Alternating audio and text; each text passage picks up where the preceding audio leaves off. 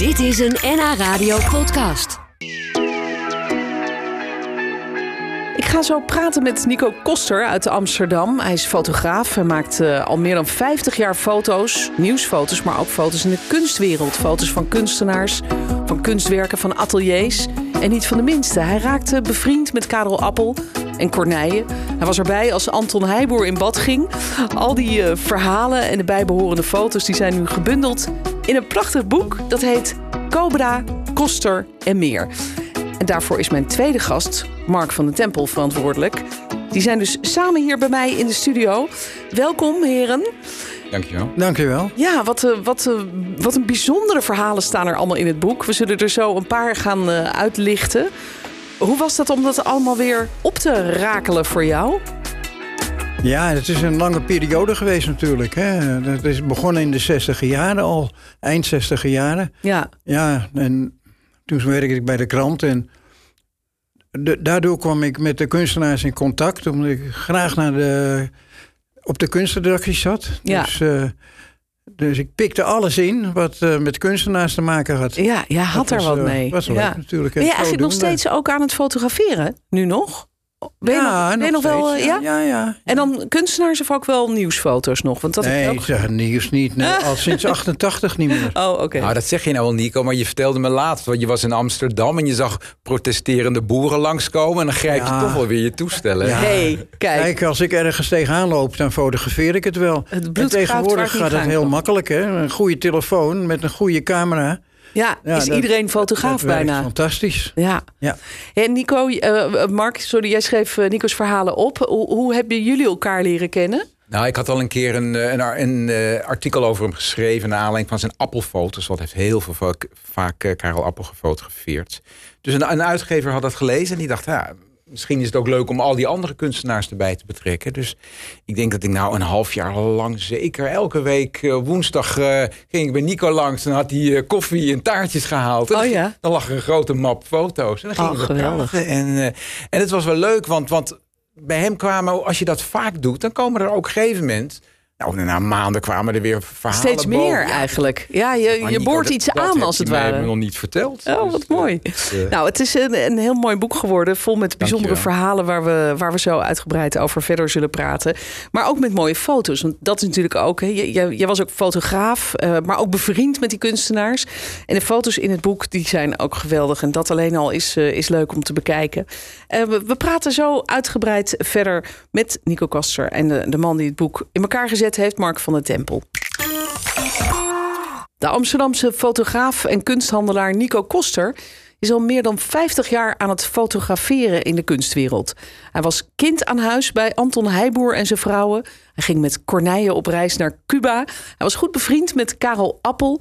En naast het fotograferen begon Nico ook zelf in kunst te handelen en opende hij zijn eigen, denk ik wel heel bekende Jaski Art Gallery, later Galerie Modern. De mooiste foto's die hij maakte in, in die afgelopen 50 jaar en de verhalen die daarbij horen, vooral ook dat, die zijn nu verzameld in een prachtig dik boek dat hij samen met Mark van de Tempel maakte. Vandaag zijn zowel Nico als Mark hier bij mij te gast. Heel fijn dat jullie er zijn vandaag. Ehm, het boek heet Cobra, Koster en meer. Nou, Koster, dat ben jij dus, Nico. Jazeker. Eh, en Cobra, dat gaat natuurlijk over de kunstenaars die hij kende. Dat waren vooral Ja, Cobra-kunstenaars. hoofdzakelijk eh, Cobra-kunstenaars. Ja. Dus dat, En, en misschien is het toch goed om even voor de mensen die denken: oh, wie waren dat dan ook weer? Wat was dat voor stroming? Om, om nog even ons geheugen op ja, te ja. frissen. Nou, Cobra betekent in eh, dus Kopenhagen, Brussel, Amsterdam. Het was dus een internationale groep. En bij die groep zaten onder andere voor Nederland dus Karel Appel, Corneille, Constant en nog enkele anderen. Ja, en hoe kwam het dat jij die allemaal kende? Dat kwam omdat ik reportages maakte. Vroeger eh, voor de Telegraaf maakte ik reportages voor de kunstredactie. En van het een kwam het ander. Dus dat werd een gewoonte. Dus ik zocht ze ook altijd op. En omdat ik er vaak kwam bij die kunstenaars, is het, eh, ja, werd het op een gegeven moment. eh, was ik kind in huis bij die mensen. Ja, Ik ging er ook heen als het niet voor de krant was, zomaar voor de gezelligheid of om foto's te maken. ja, ja. En dat ging prima. Dat, eh, ja, Ja. kwam een heel arsenaal foto's. eh, kreeg ik eruit. Ja, en, en heel veel bijzondere verhalen die we lezen in het boek. Eh, dat je bijvoorbeeld inderdaad met Corneille naar Cuba bent geweest. Je Ja. hebt met eh, Karel Appel allemaal leuke dingen meegemaakt. Bijvoorbeeld, daar moest ik erg om lachen, dat je met hem uit eten ging in Parijs. En dat je zei, mag ik eh, Johan Cruijff meenemen? En toen zei Karel Appel, Wie is dat? Er nooit van gehoord. Nou, dat is ook een beetje onzin. Dus eh maar waarom zei hij dat? Gewoon een beetje... meer op de tv dan Appel, denk ik. Ja, ja, dat denk ik ook. Maar dat was een beetje hoe Karel Appel Ja, was. een zo, is hij, zo is Appel. En dat, Ja. eh, hij, hij wist wat donders goed wie Cruijff was. Dus, Ja, ja, dat bleek ook later wel toen ze elkaar spraken. Dus. Ja, want jullie zijn gezellig uit eten gegaan met Cruijff erbij. Ja, ja, we zijn het eten gegaan bij eh, Tour d'Argent. Dat is een drie-sterren restaurant in Parijs. Oh, Ja, normaal betaal ik dat natuurlijk niet, nu ook niet. Maar eh, dat was de gelegenheid ook van een of andere expositie of een boek. Dat weet ik niet precies meer. Oh, jullie hoefden Ja. allemaal niet zelf te betalen. Want ik vroeg me al af wie heeft de rekening nee, opgepakt. nee. Ik heb er wel eens voor Appel betaald, maar dat was in Japan. En dat was Oh. eigenlijk een helemaal... Ja, dat was wat moois. Appel die bestelde een berecht, eh, gerecht, de kogelvis. Oh ja. En dat schijnt eh, heel gevaarlijk te zijn als hij niet op de juiste manier klaargemaakt is. Kun je echt aan dood Ja, gaan, hè? ja, nou, dat is, dat is niet de bedoeling natuurlijk. Nee. En eh Appel die stond op toen hij hem op had. En hij zegt, nou, ik ga een dutje doen. Ik ben moe. En eh, ik zat er nog met hem aan tafel enzovoort. En toen kwam de rekening. Toen bleek dat ding ongeveer 800... Ja, dat was toen gulden, 800 gulden te kosten. Dus hij wist wel wat hij at. En, en jij Ik moest betalen. Ik keek wel uit. Ik, ik denk een kogelvis met eh, de linkersoep. Maar heb jij het uiteindelijk betaald? Ja, Voor Karel? nou ja? ja, de krant. waren, waren natuurlijk ook andere tijden. De Ja. krant kon toen Ja. over een flink budget beschikken. Ja. Maar het is waar, Appel was ik best wel uitgekookt. Want hij snapte natuurlijk heel goed. Kijk, hij zal Nico oprecht hebben gewaardeerd als mens. Maar hij snapte ook, Nico legt belangrijke momenten uit mijn leven vast. Dus Ja. Als, er een, als er een opening was, dan ging er een telefoontje naar de redactie. En dan, ja, dan wilde hij natuurlijk liefst dat Nico kwam. Want Ja. die kende die. Ja, dat was En, vertrouwd en, eh, en eigenlijk wel echt een vriend geworden. Ja. Eh, Ja. Zijn er eigenlijk ook verhalen, want er staan zoveel mooie anekdotes in dit boek. Zijn er eigenlijk ook verhalen die het boek niet hebben gehaald? Dat jullie dachten, nou, dat is misschien toch Nou, voor de betrokkenen of nabestaanden een beetje too much. Nou, wat, wat, een hoofdstuk waar we veel over gediscussieerd hebben, is het hoofdstuk over kunstvervalsing. Want dat is natuurlijk een. Kijk, in de jaren tachtig werd de markt overvoerd. Want eh, met, met met name valse lito's, alle kunsthandelaren kregen daarmee te maken. De goe- goedwillende, de kwaadwillende. Dus ja, ja, het- ik snap wel dat Nico daar een beetje tegen aanhing. eh hikte van ja. Het, nog steeds, dat, dat mag ik wel zeggen, Nico. Jij zegt van, eh, eh, ik weet nu in Amsterdam, als Ja. ik langs huizen loop, daar hangen, ik zie de valse appels hangen. Ik ga dat Ja. de mensen niet vertellen. Nee, ja, dat, En, dat vond ik ook eh, een fascinerend dat- stukje. Maar waarom ga je dat niet vertellen? Dat is toch Nou, belangrijke informatie? Kijk, meestal hangt er één print of zo. Dan, kijk, als er nou seriesprinten hangen in een kantoor, een stuk of veertig. Ja, dan, eh, dan kan het natuurlijk niet. Nee. Maar nee. dat, Eén zo'n eh, particuliere vervalsing. Ze ja. zijn er blij mee. En, eh, maar je kan het ook amper zien. Die, Ja. die vervalsingen die in de tijd in de 70 jaren, dat waren lito's. Die waren zo knap gemaakt. En toen was net de zeefdruktechniek kwam in op, eh, op komst. Konden ze perfect namaken, fotografisch. Dus Ja. ja, je kon het eigenlijk ook amper zien. En Ja. er, zijn, er zijn wel mogelijkheden waardoor je het kon zien aan de, de naden die eh, niet helemaal tegen elkaar aankwamen, de kleurvlakken dan. En er moest altijd een beetje, bij een echte lito komt altijd, eh, niet altijd, maar vaak een beetje de olie van de verf door het papier heen. Ja, ja. Maar ja, dat, dat, eh, Dat zijn wel echt hele kleine dat details. allemaal niet. Ja. Dus, En jij bent zelf ook kunsthandelaar eh, geworden op een gegeven moment. Je Ja. was fotograaf. ja. Je hebt een galerie geopend die denk ik heel veel mensen van vroeger nog wel kennen. Ik, ik weet het nog wel, de Jaski Art Gallery. bestaat eh, steeds. en- en- ja, Reuze het bestaat nog ja. steeds. Maar eh, ja, was is op een reuze hele leuk. gekke manier ontstaan. Oh ja? Eh, mijn, eh, mijn vrouw heette Jaski. En, eh, maar dat, de, de, de- hoe die ontstaan is, is eigenlijk... Ik kwam Tom Okker tegen, die tennisser. De tennisser. Oh, Ja, daar zat ik mee in het... eh, dus, ik was op Schiphol en ik stond achter hem. En eh, toen wou hij een speciaal plaats hebben. Een hele rij. Moest uitrusten, want hij moest een tennistoernooi spelen. en dat hoorde ik. Dus ik zeg tegen de juffrouw, die stewardess daar, of de grondstewardess... Ik wil graag eh, aan de andere kant van de rij zitten, want dan, eh, ik ben journalist en eh, toen liet ik mijn perskaart zien. oh ja. Nou, zegt ze, dat doen we hoor. Nou, toen ging ik het vliegtuig uit met een tennisrekker en een, uh, en een nieuwe best friend. En, uh, ja, en een nieuwe klant.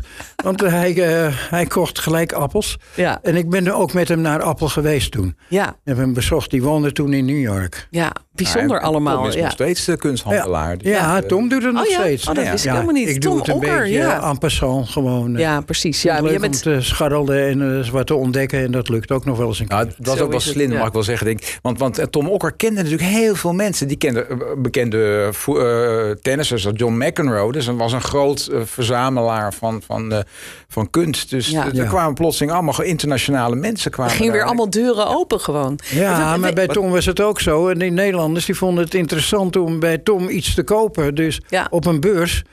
Nou, ze werd altijd druk bezocht. Ja, dat geloof ik. Het is echt wel een beetje een, een wereld van vrijbuiters. Dus als ik zo, dat vond ik wel heel erg leuk om dat, om dat te ontdekken. Dat die, die, die, kunsthandelaars, het toch een Ja. beetje cowboys. Ik praat vandaag met fotograaf en kunsthandelaar Nico Koster. Die kwam eh, door zijn werk veel bekende kunstenaars tegen... waar hij ook goed mee bevriend raakte. Zoals Karel Appel bijvoorbeeld en Anton Heijboer. De foto's die Nico van ze maakte en de verhalen die daarbij horen... die staan in het boek Cobra, Koster en meer. En dat boek heeft hij gemaakt samen met Mark van de Tempel. En ze zijn vandaag allebei bij mij te gast. Ehm, Mark, die verhalen van Nico en die foto's... voelde dat voor jou niet als een soort schatkist die je openmaakt? Nou, het, het, dat woord heb ik ook nog wel eens laten vallen, inderdaad. Het is, eh, bijvoorbeeld, we hadden het over, over Anton Heijboer... en dan kwamen er mappen met foto's op tafel. En de prachtigste foto's. En, en Van Anton Heijboer in bad?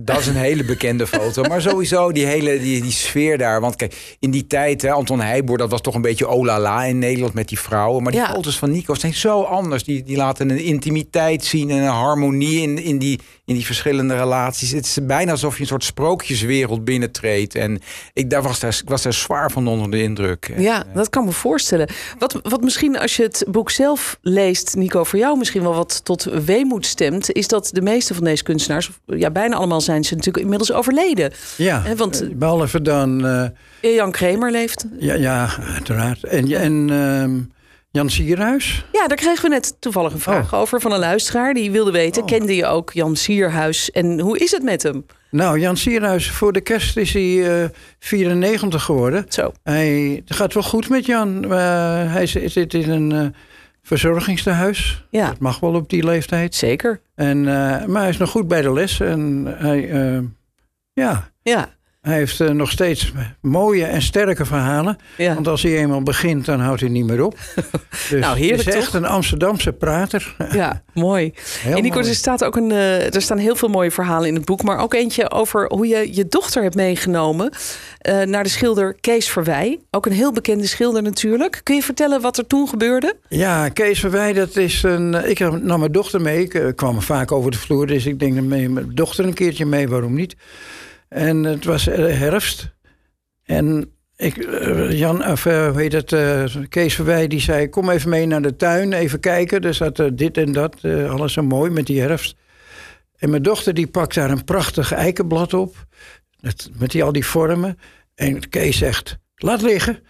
Laat liggen, dat moet zo blijven, want dat is mijn inspiratiebron tegen Oh. een kind van vier. Ach, Dus die pakte het af en die legde het keurig weer neer. Mm. En eh, nou, ga jij er even mee, meisje? En toen zette hij er op de bank. Toen ging hij er een aquarel van er maken.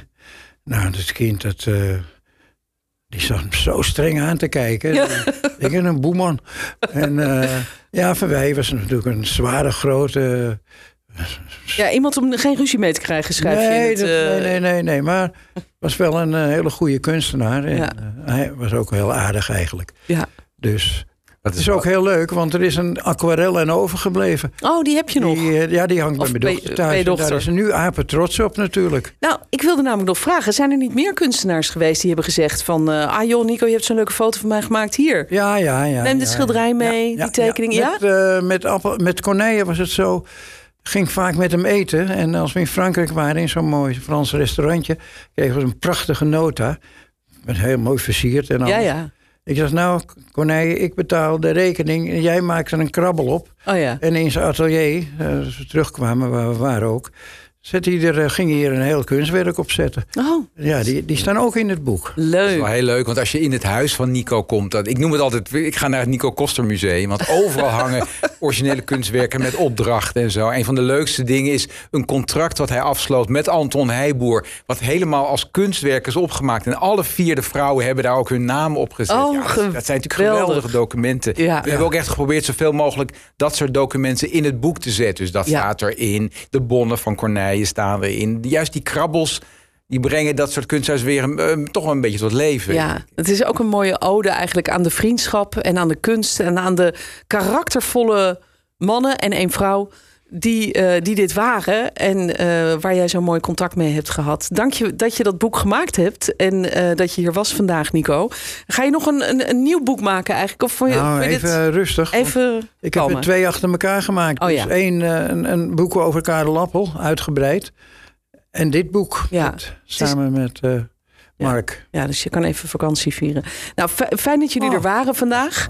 Eh, het boek is dus eh, nou, te koop in de winkel. Natuurlijk uiteraard, maar wij mogen er ook twee gaan verloten. En ik verklap er even bij dat eh, Nico daar ook nog een heel erg mooie handtekening... of eigenlijk een tekening in heeft gemaakt.